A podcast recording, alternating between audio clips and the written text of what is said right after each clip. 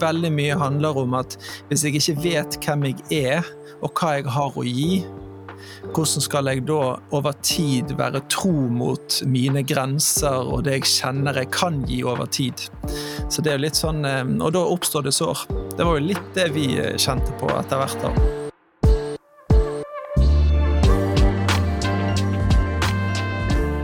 Hva er sex og seksualitet sett i lys av Bibelen? I denne episoden får vi besøk av Runar og Kristina Gjertsen, og de er ledere i Kristent Fellesskap i Bergen. Vi får høre deres tanker rundt det her, og vi får høre deres historie. For de forteller ærlig om sine egne opplevelser og utfordringer knytta til seksualitet og sex, og jeg tror det er en prat mange vil sette pris på. Dette er også en invitasjon til sjøl å tørre å åpne opp til folk du stoler på, om utfordringer og tanker knytta til seksualitet. Fordi, folkens, det er noe vi må snakke om. God lytting.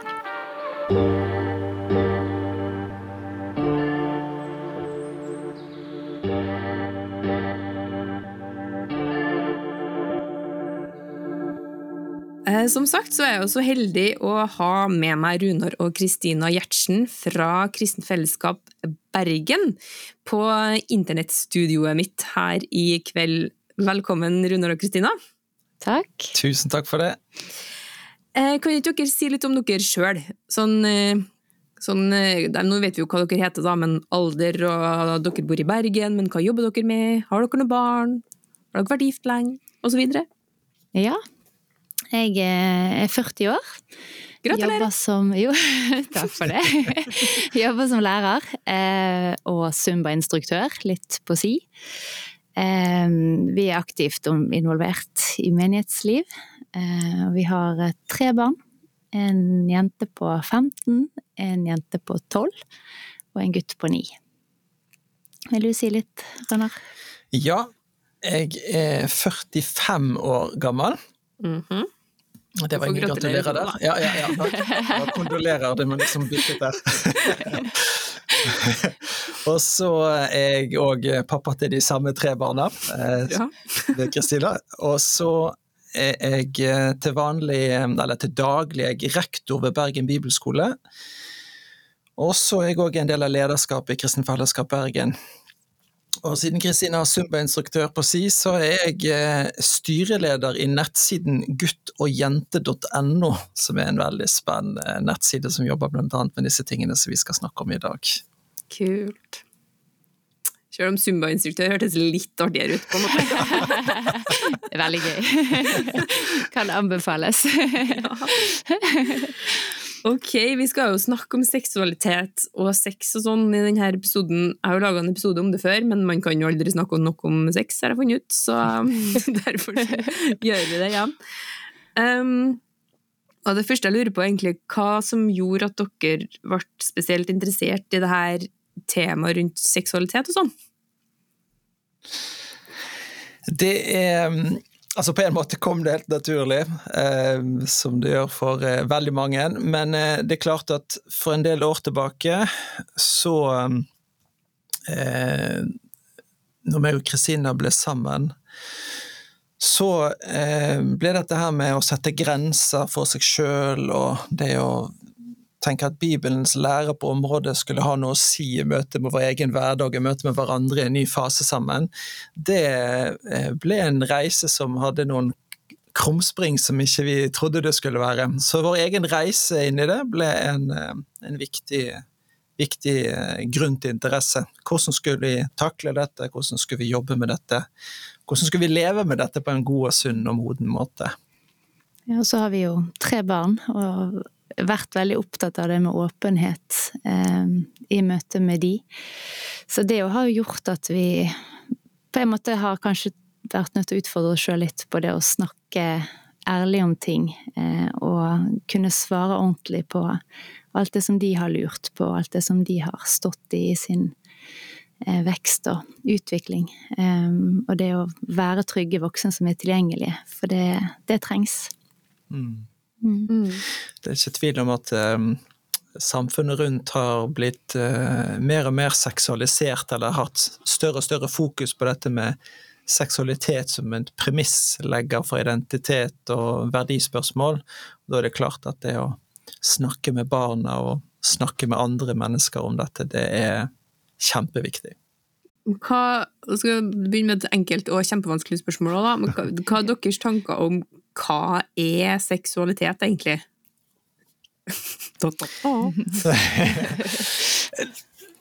altså eh, Jeg tenker altså, Premisset for det er jo at, eh, at seksualitet er gudegitt. At det er gudevillet, eh, sånn i utgangspunktet. Det er jo eh, Altså, det er en viktig del av oss. For eksempel, eh, en av de første tingene Gud ba mennesker om å gjøre, var jo faktisk å ha sex for å kunne fylle en del av oppdraget. Mm. Bli mange og fylle jorden. Det lå liksom litt i kortene at da måtte det gjøres. Um, men eh, så det betyr at en del av Guds oppdrag, eller evnen til å kunne fullføre Guds oppdrag, er vår seksualitet. Evnen til potensiell reproduktivitet.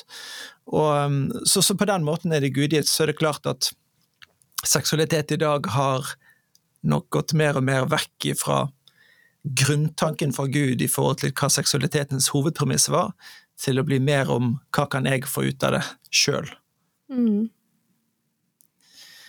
Så, ja, men så, så snakker Bibelen òg en viktig side at det er ikke bare reproduktivitet, det handler om det tekniske, vi skal bli flere, men, men Bibelen snakker òg om at eh, seksualitet er en viktig del av nytelse, som handler om å gi. Paulus snakket om det annet i Korintermenigheten, om at, at dette her med å gi til hverandre, at vi eier hverandres kropper, på en måte. Eh, det er, eh, en viktig side. Å nyte hverandre, og det å bli ett på den måten.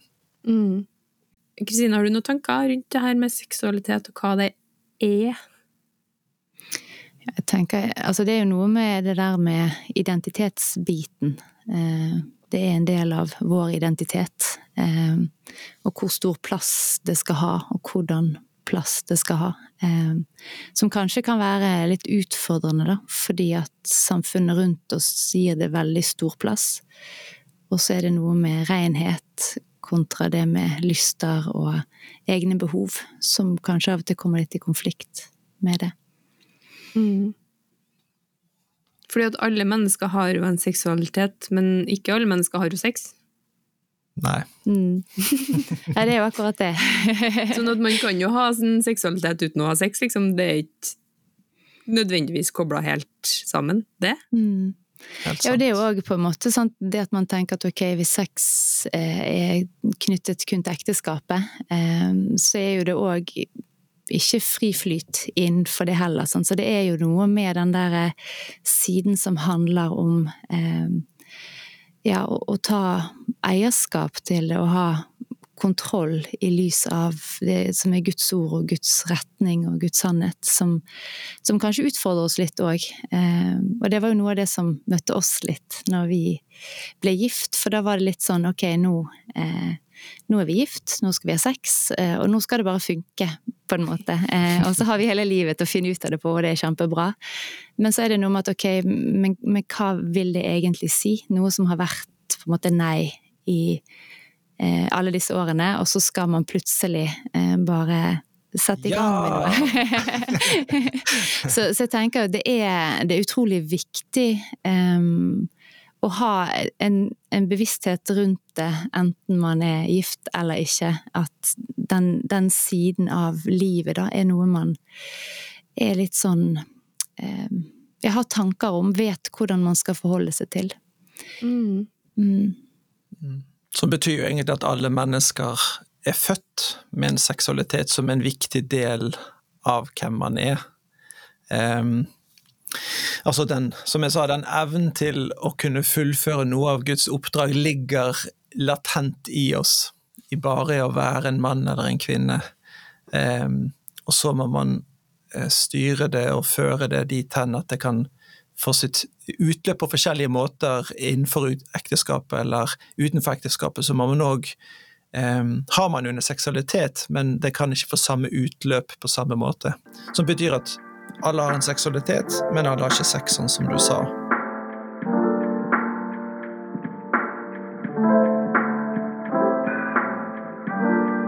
For å stille andre spørsmål av seksualitet og, eh, og sex er jo to på en måte forskjellige ting, men hva er nå sex, da, egentlig? vi skjønner jo hva det er. Altså, sånn fysisk så vet vi jo hva det er, men hva er det liksom Hvorfor er det så hellig, på en måte, for Gud? For det er jo det. For det er jo så veldig tydelige rammer rundt det. Ja. Mm. Eh, først og fremst så er jo altså Bibelen løft, Jeg hører mennesker som sier at Bibelen har et negativt syn på sex. At sex hele tiden er nei, sex er fy, sex er ekkelt, det hører til avgudsdyrkelse og andre ting som ikke er bra. Men, men men Bibelens første, som jeg sa i sted, første beskjed Gud gir til Adam og Eva, er ha sex. og da kan det umulig være sånn at eh, det i seg sjøl er noe som ikke Gud vil. Men spørsmålet er eh, innenfor hvilke rammer, og hvorfor er de rammene satt? Og Bibelen løfter jo opp sex som noe som er så sterkt og så sammenkoblende at han sier at når to mennesker har sex sammen, at mannen penetrerer kvinnen, at kvinnen får mannen inn i seg, og de blir ett i sinn, kropp og sjel, så er det en enhet som oppstår som ingen andre måter kan gjøre det på. Det kan ikke gjøres på noen annen måte. Eh, og Derfor løfter han opp det å ha sex mellom to mennesker, det er noe utrolig sterkt. Eh, og det er en kobling som, en måte, som oppstår, som, som, ikke kan skje på en annen måte. Mm. Jeg tenker du kan si noe om det som eh, Maren og, og Svein Sven ja. sa. For det var for meg litt sånn oppvekker, egentlig, det her med at det ikke bare er deling av kroppsvæske, men at det det er denne bindingen som ja, Vi har eh, to stykker som vi jobber tett med i guttogjente.no. De eh, er helsepersonell begge to og har jobbet med dette temaet i mange år. og De sa noe som var veldig spennende, det at Sven han underviste om hva som oppstår når to mennesker har sex. Eh, så sier han at det er nesten som en mobiltelefon som kobler seg opp på ulike nettverk. Når man ikke er i nærheten av det nettverket man nettopp har koblet på, så driver telefonen ut og sender ut signaler for å få kontakt igjen med det nettverket som det har vært koblet opp på. Og når man da driver og sender ut, eller kobler seg opp på mange ulike nettverk, som personer da kan være i denne sammenheng, så vil kroppen ha opp hatt en oppkobling til den personen på en måte som skaper en enhet man lengter tilbake til. Eh, og dermed så roper kroppen egentlig etter disse gamle koblingene. Og det er jo egentlig det som Paulus sier når han snakker til korintermenigheten. Så sier han at eh, han løfter opp det som skjer i seksualiteten, eller sex mellom en mann og en kvinne, på en sånn måte. Han sier til og med hvis en mann går og har sex med en prostituert, altså han kjøper en tjeneste, det er ikke følelser involvert, det er ikke kjærlighet på den måten. Er jeg kjøper en tjeneste av deg som du skal tilfredsstille meg med. Og og da sier Paulus at de to blir ett i den akten. Så han løfter opp det å faktisk ha sex med en annen person som en utrolig sterk binding, og det oppstår en enhet. Ja, det er en veldig god artikkel av en som heter Erik Anvik, som også har vært på poden før, der han snakker om hvordan vi kan eh, snakke sant med kroppen vår, eller, eller lyge med kroppen vår. Mm. På en måte. For det er litt sånn Hvis man har sex med noen som man, ikke, man har en litt sånn tilfeldig relasjon med, så sier man med kroppen sin eh, det, Eller at det, det, går egentlig ikke an å lyge med kroppen, men, mm. men, fordi at man sier med kroppen sin i den handlinga at 'jeg er din for alltid'. Ja. Ikke sant? Mm. Fordi at konsekvensen av sex kan jo være barn, og, og liksom eh, kroppen din sier til den andre 'vi hører sammen', men så gjør man ikke det. Mm. Og da blir det liksom dissonans mellom hva kroppen din sier, og hva du tenker inni deg. mm. Og så blir det litt kaos. Mm. Det er helt sant. Det er litt det samme som Sam Albury sier òg. Han beskriver det på litt samme måte i boken Why Does God Care Who I Sleep With? Som er en veldig eh, spennende bok på disse tingene òg. Um, der han sier at det, når kroppen egentlig var ment å skape en som kobling, og så gir du bare litt av budskapet som det skulle gjøres i den sammenheng, så frarøver du egentlig personen fra eh, det dette skulle være. Og du legger igjen egentlig en del av det som du egentlig dermed da robber den andre for. Det, du, du robber den andre for det man egentlig skulle ha fått. Nei, det skjønte ikke jeg, du må si en gang til. Det var godt, jeg skjønte det ikke helt sjøl. Det er litt Jeg sier at hvis, hvis, det å ha sex med en annen person handler om at vi står sammen for evig, jeg gir meg helt til deg, og det er, en, det er ment å skape enhet og trygghet, men det jeg gjør med en tilfeldig sex, uh, tilfeldig sex med noen, er at jeg, jeg bruker deg til noe jeg har lyst på. Eh, så skaper vi en enhet, men enheten er bare for her og nå, og så drar jeg. Så da tar du egentlig en tredjedel av budskapet du skulle gi, det er det de sitter igjen med, og det skaper sår istedenfor å skape enhet.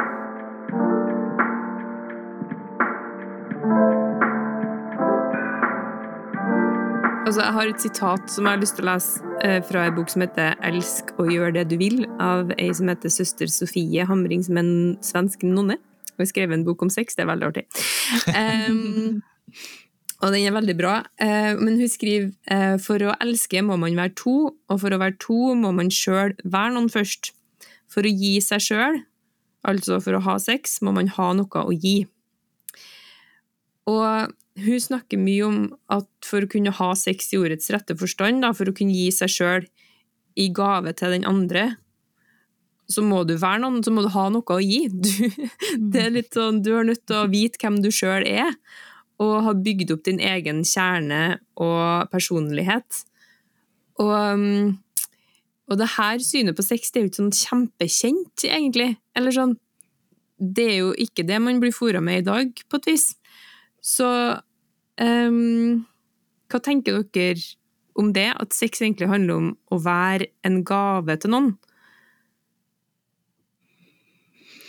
Ja, det er jo eh, en annen måte å tenke på, kanskje, i møte med eh, mange rundt oss som ikke har Bibelen som utgangspunkt. Eh, fordi at der snakkes det jo mer om nytelse, og det å få møtt behovene sine, få dekt det man sjøl har lyst til, og det som gir en noe.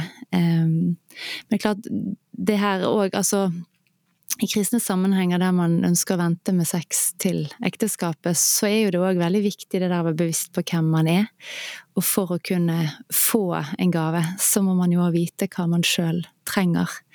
Eh, så det òg er jo en side av det som jeg tror er, er viktig å, å, bli bevisst på. Altså, hva er det hva er det jeg ønsker, hva er det jeg har lyst til? Eh, å skape det åpne rommet for ærlighet eh, mellom to parter. Eh, fordi at ofte Det er jo litt det som vi kanskje kjente litt på, sant? at vi Det var vanskelig å snakke om ting. Eh, når vi plutselig skulle kunne gjøre alt. Eh, og vi hadde brukt Altså, vi hadde jo kjent veldig på lysten og det der å holde igjen, sant? men når man var gift, så skjønte vi kanskje ikke helt at det, det, der å kysse lenge og det å på en måte skape den lysten var nødvendig òg inn i sexakten. Eh, så, så, det er jo ja, det er flere sider her som på en måte gjør noe med den bevisstheten på eh, hvem man er, da. Man trenger å være veldig trygg på hvem man er. Eh, ja. Og så trenger man å ha en bevissthet rundt at det er noe som, som, hører til noe spesielt. Det er ikke bare å dekke her og nå-behov eller dette som jeg trenger, men faktisk òg å måtte vente på det fordi det er rett å vente. Ja. Mm. Vil du tilføye noe, Runar? Det er klart at uh, en av hovedutfordringene hvis man ikke er trygg på hvem man er, er jo at man gjerne gir uh, ut ifra premisset det man tror den andre skal ha. Og så gir man kanskje ut ifra kompromiss. Man gir mer enn man skulle, eller man gir på en feil måte som egentlig skaper sår hos seg sjøl fordi man går lenger enn man skulle likt, eller man eh, kanskje det som i dag er veldig aktuelt, er at, eh, at pornoen har satt premisset på seksuallivet til veldig mange mennesker på en måte som gjør at hvis man ikke snakker om at det setter premisser i vårt sexliv òg, så skaper det sår uten å være bevisst på det, og så kommer det fram i, eh, både i sexliv, men òg i andre områder i livet som man må ta tak i, og så blir det veldig stort. da. Så det er jo jeg, jeg, tenker noe av det som hun søster Sofie Armring sier, som du nevner. så jeg, jeg, tror nok at veldig mye handler om at hvis jeg ikke vet hvem jeg er, og hva jeg har å gi, hvordan skal jeg da over tid være tro mot mine grenser og det jeg kjenner jeg kan gi over tid? Så det er jo litt sånn, eh, Og da oppstår det sår. Det var jo litt det vi kjente på etter hvert. da. Ja, Mm. Har dere lyst til å si litt mer om hva dere kjente på etter hvert? ja.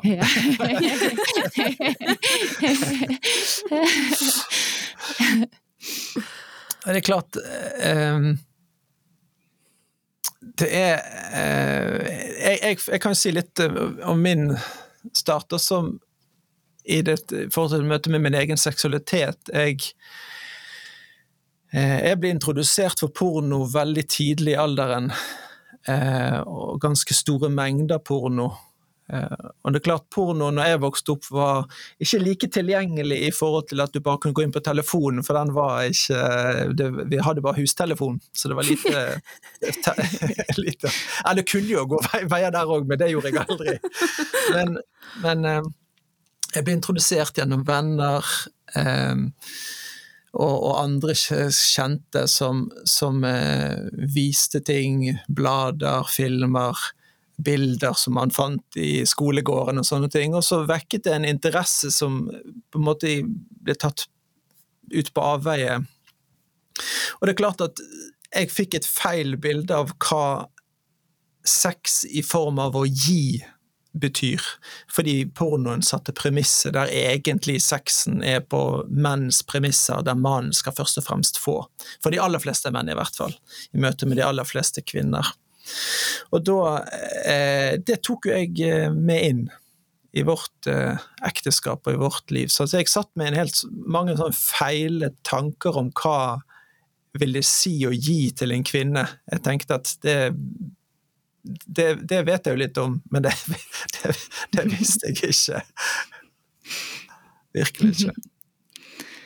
Nei, det var jo litt sånn at vi eh, Vi hadde jo veldig lyst på hverandre eh, når vi var kjærester òg. Det var jo vanskelig å, å, holde igjen i en del situasjoner, og vi kysset mye.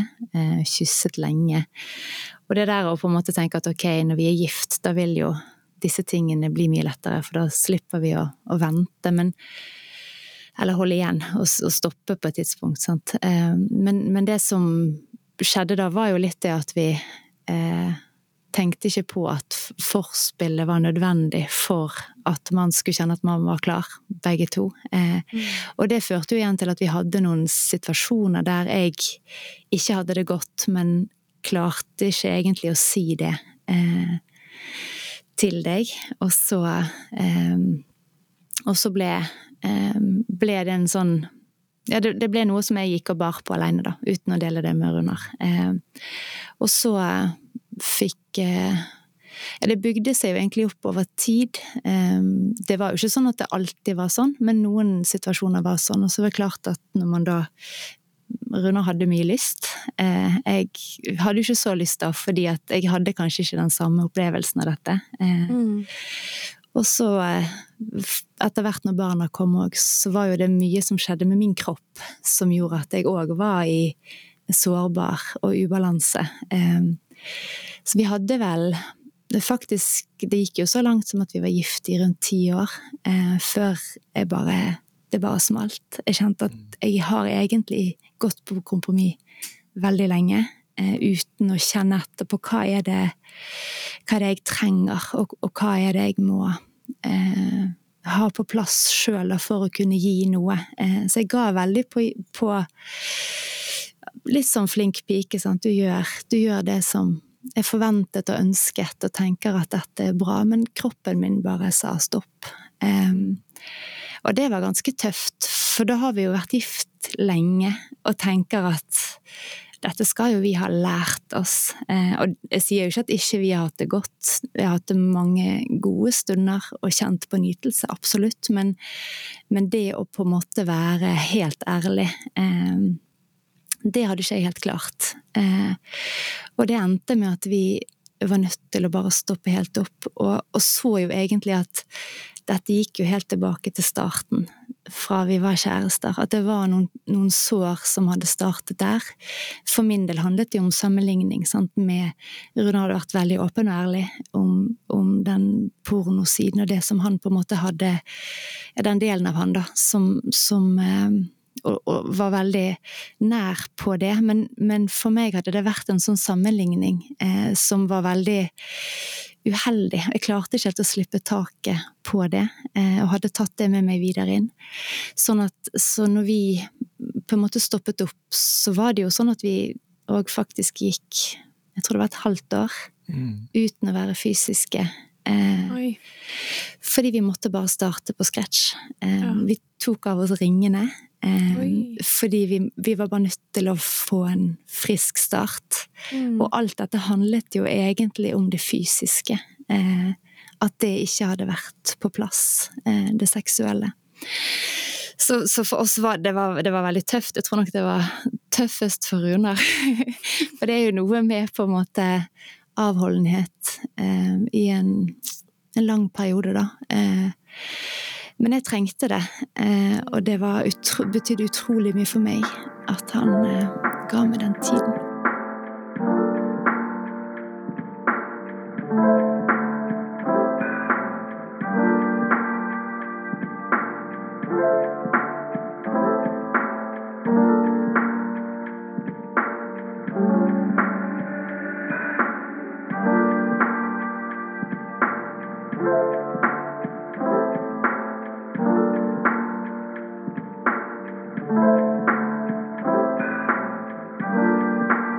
Det tøffeste for meg i dette var jo egentlig at, å se at jeg ikke hadde sett Kristina. Ja. Jeg hadde ikke sett Kristina på dette. sant? Så, eh, og det egentlig vi måtte gjøre, var at vi, må til, vi måtte gå tilbake igjen til Ikke scratch, men vi må gå tilbake til å si jeg trenger å vinne Kristina i hellighet og ære etter ti år i ekteskapet. Um, for det snakker jo Bibelen om, at en, en, mann skal vinne sin kone i hellighet og ære. Og det er, er, veldig praktisk og konkret. Det handler jo mer om hva vi vil at vårt forhold skal være, enn hva det ikke skal være. Sant? Altså, hva vil vi at skal prege oss og vårt forhold? Um, for det er mange som spør meg, mange unge menn som spør liksom, hva vil jeg si Hva vil jeg si, vil jeg si å vinne noen i hellighet og ære? Det, vil, det, vil, si at du styrer tiden deres sammen godt. Dere vil be sammen, lese Bibelen sammen, ja, men òg utforske livet, gjøre ting til, sammen. Se film, gå tur, gå ut og spise. og Alt det der at sex egentlig starter der. det, mm. det starter, forspillet handler om livet vi lever sammen, eh, og da er det litt sånn ja, Skal jeg gjøre alt det for at sexlivet skal bli bra? Nei, sexlivet blir bra når dette er bra. det er liksom ikke det, det, er for, det, er for, mange som tenker at sengen er målet, ja. men må, det er bare et resultat av livet. Ja. Eh, det er en viktig ting. Og så er det jo noe jeg tenker Bibelen altså Bibelen snakker jo egentlig om en rekkefølge eh, når det gjelder forhold. Og det er jo en, en grunn for at sex kommer så seint inn i den, det å bli kjent. Mm. Det er jo ikke der man Man starter ikke med det fysiske, men man avslutter med det fysiske når man på en måte er klar å gi seg til hverandre. Så det er jo òg en, en, side av det med at det å bli kjent, og det å bli trygg, og det å finne seg sjøl i den andre og finne hverandre sammen, handler om veldig, veldig mye mer enn det fysiske. Og at egentlig når alt det er på plass, da er man klar for å gi det fysiske. at da, da, vet man at ok, det er oss, og det, det er vi. Um, ja, og, og, det har jo på en måte vi kjent veldig på, det at det har noe å si hva man gjør før man òg treffer den man skal dele livet med. Altså før man finner en kjæreste. At de valgene man tar, eh, det er ikke noe man skal tenke at ok, men det gjelder ikke for meg her og nå. Men faktisk det man gjør i ungdommen og i tenårene og i, i voksenlivet før man treffer den man skal dele livet med, er jo òg en viktig del av den helliggjørelsen, og det som det vil påvirke den andre, da, de valgene man tar på det seksuelle området. Fordi at det er noe så nært, og det er noe så både vanedannende og lystskapende sånn, som, som, vil påvirke den andre personen. Så det har jo vi jo kjent på, sant, at selv om ikke det var oss når vi var unge Det var jo når vi var Eller jeg var jo ganske ung, da, men vi giftet oss da jeg var 20. så, så, er jo det noe med på en måte at um, Ja, de valgene har noe å si, uh, og det påvirker framtiden. Mm. Mm. Ja. Og det er sånn jeg skulle ønske at jeg skjønte når jeg var 15 år. Mm. For det er så utrolig sant, da. Så så hvis man vil ha det godt med sin framtidige ektemann eller kone, så er det faktisk kjempeviktig hva du velger å gjøre med, med deg sjøl og seksualiteten din nå. Mm, ja. Superviktig. Det er jo akkurat det. Ja. det, er det. Mm. Altså, det er viktig å si at uh, Gud er veldig god, og Guds ord og erfaringen i livet er jo at Gud vender vonde ting til det gode. Mm. Ja. Så, så, når vi er villige til å ta tak i det, vi er villige til å vende om og si at uh, dette gir jeg til Gud, uh, jeg vil ikke leve sånn lenger, så, så må vi regne med Guds nåde i dag, og mm. Guds nåde er reell, og den gjør noe som gjør at vi kan forsone oss med vår fortid og tenke at framtiden skal ikke preges av det. Og Det er jo det gode mitt i alt, at historien er full av mennesker som har hatt en feil retning på mange områder i livet, og så kommer Guds nåde og tilgivelse, og så blir det en gjenopprettelse og en ny retning. Og det er jo godt. Utfordringen er jo bare ofte at jeg, jeg utfordret bare senest for noen dager siden en ung mann som, som sleit med, med onani og da porno i den sammenheng. Så sier jeg at utfordringen vår er at vi har en tendens til å fokusere på å regne med Guds tilgivende nåde etter at vi har falt, istedenfor hans oppdragende nåde til å si nei til ugudelig liv idet vi blir fristet. Og det er liksom eh, en side av dette, da. At vi må, at vi må faktisk kontrollere oss sjøl, eller fasilitere livet på en måte som gjør at det ikke denne dette fokuset på seksualitet og min egen seksualitet blir så stor at den blir altkonsumerende i forhold til alt andre ting som er viktig. Eh, selv om seksualiteten selvfølgelig er viktig, det òg. Men det er noe som styrer og gjør at vi kan lykkes i det. Ja. Fikk dere noe hjelp til å komme dere liksom på rett kjøl igjen etter det her? vi følte vel Jeg tror vi var veldig redd for å snakke med folk om det.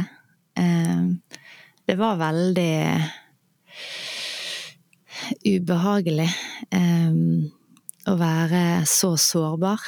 Eh, ja, så vi, så vi eh, Vi tok jo egentlig den reisen aleine ganske mye. Eh, det var godt for oss å gå prosessen, og selv om det var et halvt år der vi ikke var fysiske, så var det jo et halvt år med veldig sånn bevisst arbeid oss imellom om å komme, komme nærmere hverandre og, og, finne ut av ting. Så det var jo det var jo egentlig det å på en måte være kjærester eh, på en veldig sånn forsiktig måte. Eh, vi, vi, sov i samme seng. Eh, vi hadde jo vi, Alle rutinene var like, bortsett fra at ikke vi var fysiske. Eh, og jeg tenker Altså, jeg kjente jo mye på det, at jeg visste at det krevde mye av Runar. Eh, men det ga meg òg en enorm eh, beskyttelse. Jeg tror det er det rette ordet, å kjenne at han var villig til å, å gå den veien med meg, og gi meg den tiden. Sånn at når vi da Det sto jo veldig på meg når jeg var klar. Eh, og det var jo egentlig et veldig sterkt øyeblikk når vi kjente at nå er vi Nå, nå klarer vi å, å, gi oss helt til hverandre, eh, sånn som det egentlig skulle være fra starten av. Um, og vi kjøpte noen nye ringer. Nå bruker vi begge to, da. det var én på hver finger. Men det som, vi, som på en måte òg er tegn på at um, vi, vi, styrker pakten, eh, og den betyr det den skal bety. Eh, så det var jo aldri noe Det var aldri noe pause, det var aldri noe sånt, men det handlet egentlig kun om å om, om, å gå de stegene i riktig rekkefølge da, for oss. Um, så, og den andre ringen som vi hadde hatt i ti år, den lå i skuffen i jeg vet ikke, det var kanskje tre år mm, før vi på en måte kunne møte at det var for galt å ha en så fin gullring liggende. Men det var jo liksom noe, ok, nå er vi der òg at det er på en måte eh, gjenopprettet, da, hvis det går an å si det ja. sånn. Eh, så vi opplevde jo egentlig en veldig sånn sterkt nærvær fra Guds side òg på dette. At det var Det betydde noe veldig sterkt for oss. Ja, jeg vet ikke om jeg helt klarer å forklare det, men for oss var det veldig nødvendig eh, der vi var, i det vi sto i. Mm. Men, men, det er noe interessant i at vi ikke mm, det, For det har vi snakket om eh, med flere anledninger etterpå, at eh, vi, vi vil være tilgjengelig for mennesker og unge par rundt oss i å være noen som stiller seg til rådighet for å snakke om disse tingene og by på oss sjøl i vår egen sårbarhet og være åpen for. Fordi at vi kjente på en sånn opplevelse av Det betyr ikke at det var sånn, men det var vår opplevelse og frykt var at hvis vi var åpne om disse tingene, så ville dører være stengt for oss. Eh, men så kom vi til slutt fram til en, en, en erkjennelse som, som, er utrolig befriende. det at Enten så er det Gud som åpner dørene, eller så er det oss sjøl, og vi vil heller gå gjennom de dørene som Gud åpner. Og det er ikke mennesker rundt oss, det er ikke, det er ikke fordi vi er så kløktige og kloke og flinke og strategiske, det er faktisk Gud som åpner døren inn til muligheter i livet, og da går vi gjennom de. Og da, Det blir en enorm trygghet. da. Så vi har masse gode folk rundt oss vi har snakket om eh, i etterkant, og, og sånt, men vi har bare sagt og En av grunnene til at vi er i denne podkasten, vi tenker vi, vil, vi trenger å sette ord på at disse tingene eh, trenger vi å snakke høyt om. Mm. Eh, fordi, ja. Det er så bra at dere tør å si det her, for jeg tror at det er mange som kjenner på at alle dem som er ledere, som er litt sånn framtredende, og som preiker, og som man tror liksom at alle dem har ting på stell, og at liksom de har aldri synda eller aldri vært noe galt, eller um, har alltid liksom gått på den rette stien. Mm. Men uh, det er bare så utrolig bra at dere tør å si det her høyt, for jeg tror at det kommer til å hjelpe mange å åpne en dør da, til folk som kanskje sliter med litt sånn samme greia og tør å, å skjønne at folk Uansett om man står på podiet og prater eller ikke, så er folk folk, og folk har Vi, vi har jo alle erfaringer, sant? På godt og vondt. Og det er så viktig at vi tør å snakke om dem.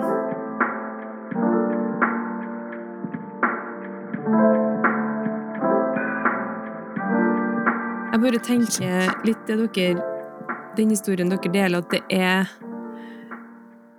det er litt sånn um, Litt sånn i forhold til jenter og gutter og seksualitet, så er det liksom gutter har en tendens til å liksom erobre jenter for sin egen vinnings skyld, på en måte. Og jenter har en tendens til å skaffe seg identitet i at man har en kjæreste. Jeg er verdt noen ting når jeg har fått meg en kjæreste. Da, da hvis noen liker meg, så kan jeg ha sjøltillit, fordi da, har jeg, da er det en grunn til at jeg kan har sjøltillit, hvis dere skjønner hva jeg mener. Hvis noen liker meg, så har jeg verdi. Ja. Og det er litt sånn, det er så interessant med deres historie, for det er litt som om dere har For det, i eventyrene sant, så er det prinsen som må bekjempe en drage for å komme inn til prinsessa. Og dragen er prinsen sitt eget begjær, på en måte. Mm. Ikke sant? Sånn at eh, Runar, du, du liksom drepte dragen på det halvåret. og Kristina fant seg sjøl. Ja.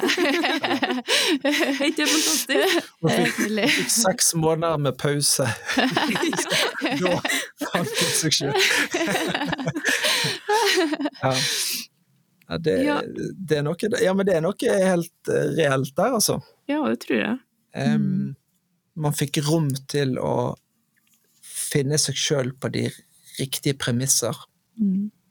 Og jeg tror det der å finne noen tidlig i livet egentlig er en veldig styrke med tanke på at man eh, er formbar, og det at to skal finne ut av ting i lag. Jeg ser jo, vi har jo Det er veldig mye fordeler med det, at vi fant hverandre tidlig, eh, og på en måte fant retningen sammen lettere enn hvis vi hadde møttes seinere i livet og visst veldig godt hvem vi var, og ikke var så lett å endre holdninger, tanker, fokus. Altså hva er, hva er viktig, og hvem er jeg, og sånn. Men, eh, men akkurat på det fysiske området så hadde jeg nok i hvert fall trengt å tørre å være åpen nok med meg sjøl, da. Eh, så ja. Det er interessant. mm. Ja. Jeg tenker noe av det viktigste Nå kommer sånn Siri, gamle, kloke kone. ja, få høre. Visdomsordene.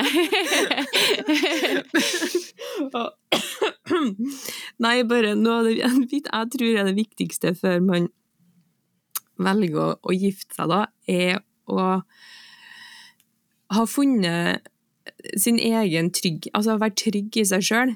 At man, at man tør å være å være litt sånn Hvis du ikke vil ha meg for den jeg er, så, så er det greit. Skjønner du? Ja, ja. Fordi at eh, jeg bare har uh, jobba så gærent med det der sjøl, at det er Man driver og jager etter at noen skal like deg så gærent. Og så er ikke man liksom eh, Fordi man ikke er trygg i seg sjøl, da, egentlig. Um, men hvis man har kommet til den plassen at Oi, jeg har møtt en veldig hyggelig mann. Ehm, nå skal ikke jeg late som jeg liker å isbade, bare fordi at han skal like meg. Det var et litt banalt eksempel, da. Men så- Eller, eller sånn å late som jeg syns det er greit at han tar meg på puppene, for. Det er jo liksom, for det er jo fort gjort. Så gærent fort gjort, fordi man tror at man skal og det er spesielt for jenter, da, for man tror at man må liksom please den andre for at den skal gidde å være sammen med deg. Ja. Ja. Men det er bare bullshit! Så hvis man kjenner at man fremdeles er litt der, så må man jobbe litt mer med seg sjøl, og så kan man gå og finne seg noen. Det er jo klart at eh, Noe av utfordringen er er at vi får jo ikke akkurat så god drahjelp fra filmindustrien Hollywood. Eh, bøker og romaner og eh, måten serier på TV og ukeblader framstiller dette her med at eh, finn ut om dere passer sammen, ha sex. Da finner dere ut den viktigste premisset.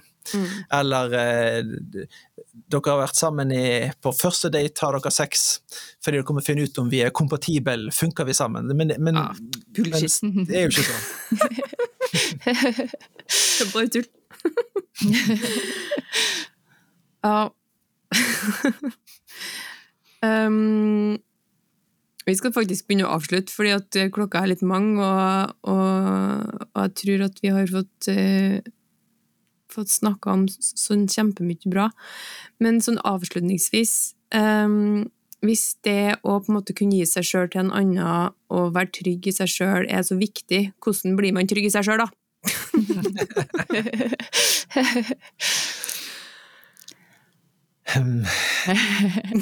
Jeg, jeg, jeg tror at um, en av de viktigste tingene man gjør, um, er å tro Altså hvis du som kristen, hvis vi tar utgangspunkt i det Hvis du som kristen ung mann eller ung, ung dame um, skal bli trygg i deg sjøl, så må du tørre du, du må begynne å tørre å tro det som Gud sier om deg. Ja. Hvem han har gjort deg til, hva han har gitt deg. Vi er, vi er altfor Det er jo ikke bare den norske folkesjel, holdt jeg på å si, som, som sier 'hvem er du', og 'hvem tror du at du er'. Det gjelder jo menneskeheten generelt, egentlig. Sant? Altså, vi er altfor eh, altfor lite god med oss sjøl når det kommer til å anerkjenne at vi har mye å by på som er godt og bra. Mm. Gudegitt. Eh, sånn at eh, hvis du møter en mann som, som, endelig bekrefter det du ikke trodde du hadde, så er det kanskje verdt å stille seg spørsmålet eh, Hvis ikke jeg har sett det sjøl i det hele tatt, er det, andre, er det andre tanker bak dette? Eller trenger jeg kanskje å bruke litt mer tid på å finne ut om det stemmer, eh, så ikke jeg har henta bekreftelsen bare fra han. Så, og det samme gjelder med han. Det, det, er en utfordring at um, det blir en litt sånn objektivisering av en kvinne, eller et formål med en kvinne er at vi skal ha sex, eller vi skal være sammen fysisk, men men hvis ikke vi løfter alt til et høyere plan og tenker på hvilken måte skal Gud bruke oss sammen, og, og, hva kan vi gjøre sammen som forsterker det Gud har tenkt å bruke oss til? Er det det å ha et åpent hjem? Ja, møter vi mennesker? Ønsker vi å være, bety noe for barn og unge? Ja, bruker vi tiden vår sammen på det? Ber vi sammen? Leser vi Guds ord sammen, så det kan forme oss sammen? Eller er det dette med det fysiske som tar tiden vår og stjeler egentlig fokuset vårt før det var meningen at det skulle være en ting som førte oss enda mer sammen? Det er, det er har, Vi har bare så mange samtaler med unge par som sliter med at dette stjeler tiden deres og fokuset deres. Men det er egentlig ikke det de ønsker. Eller unge menn og unge kvinner som sier at eh, pornoen stjeler tiden og fokuset og frimodigheten. Mm. Men eh, Gud har en annen plan. Gud har en annen vei. Det er så gærent sant, det. Mm. Ja, vi har jo veldig lett for å tenke altså i Fordi vi har det veldig godt i samfunnet vårt, og det òg med på en måte seksualitet blir jo egentlig snakket om kanskje på lik linje med mat og klær og Altså det er liksom de helt grunnleggende behovene i behovspyramiden. Sant? Men ut ifra Guds ord så tenker vi jo egentlig at sex hører til et litt annet sted. Sant? Og, og da er jo det òg noe med hva som får um, tiden vår, plassen vår, fokuset vårt, og, og, det som på en måte er viktigst for oss i et kristent perspektiv, er jo Guds ord. Eh, og sannheten og den identiteten som vi får i Han. Og da må vi jo òg klare eh, å, å, plassere det som går på seksualitet der som han plasserer det, sånn at det får riktig plass i lyset av det som vi virkelig lever for og står for. Eh, mm. så, det, så, det, er jo noe med på en måte Guds tydelighet på akkurat det, da. Og det tenker jeg jo uavhengig av års, års eh, Altså hvor vi er på en måte i utviklingen. For det er jo noen standarder som man har satt der av en, en grunn, som, eh, som må gjøre at vi bygger en, en annen type identitet. Eh, som ikke For det er jo litt, litt det oppleves på en måte Altså den seksuelle identiteten er så stor del av individet i 2023. Eh, og det er ikke helt der jeg føler Guds ord sier at identiteten vår er. Mm. Ja. Jeg lurer på om vi må ha en sånn eh, del to av denne praten. det var sånn som vi, vi, skulle ha kommet nærmere inn på. Men, eh, men for nå i hvert fall så vil jeg bare gjerne si tusen hjertelig takk for eh, at dere delte deres historie og deres tanker. Og så håper jeg at uh, vi kan få snakkes igjen. og så får jeg spørre om det. får jeg spørre om det jeg ikke fikk det tid til å spørre om. Um, og så bare tusen hjertelig takk for at dere var med i Sendepodden. Takk for at du hørte på Sendepodden. Mer spennende stoff finner du på sennep.net, og du kan også følge oss på Facebook og Instagram. Sendepodden finnes i den podkastappen du bruker, og hør gjerne også på våre to andre podkaster, Alvorspraten og Bibelkvarteret. Sendepodden alt annet enn overfladisk.